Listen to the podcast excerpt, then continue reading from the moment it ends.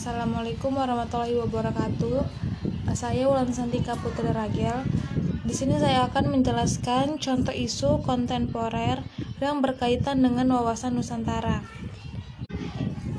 Contoh isu kontemporer uh, wawasan Nusantara yaitu salah satunya tentang pembubaran Timur Leste yang terpisah dari Negara Kesatuan Indonesia.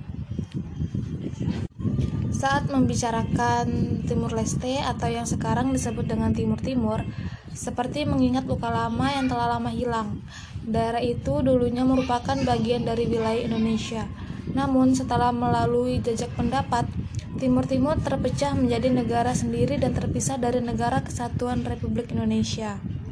Dilihat dari asal-usulnya, Timur Timur pada masa lalu adalah jajahan Portugis.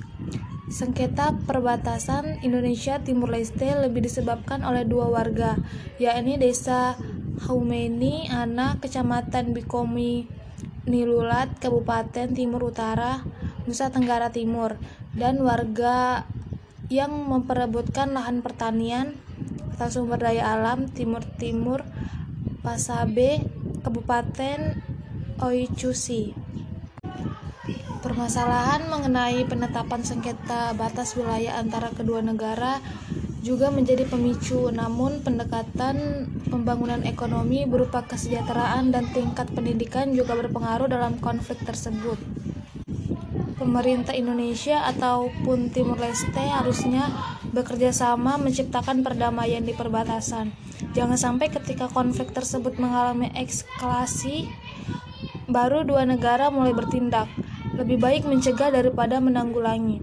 Seharusnya pemerintah cepat tanggap saat terjadi masalah ini agar masalah ini tidak menjadi masalah yang besar seperti yang sudah terjadi pada akhirnya Timur Leste memisahkan diri dari wilayah Indonesia.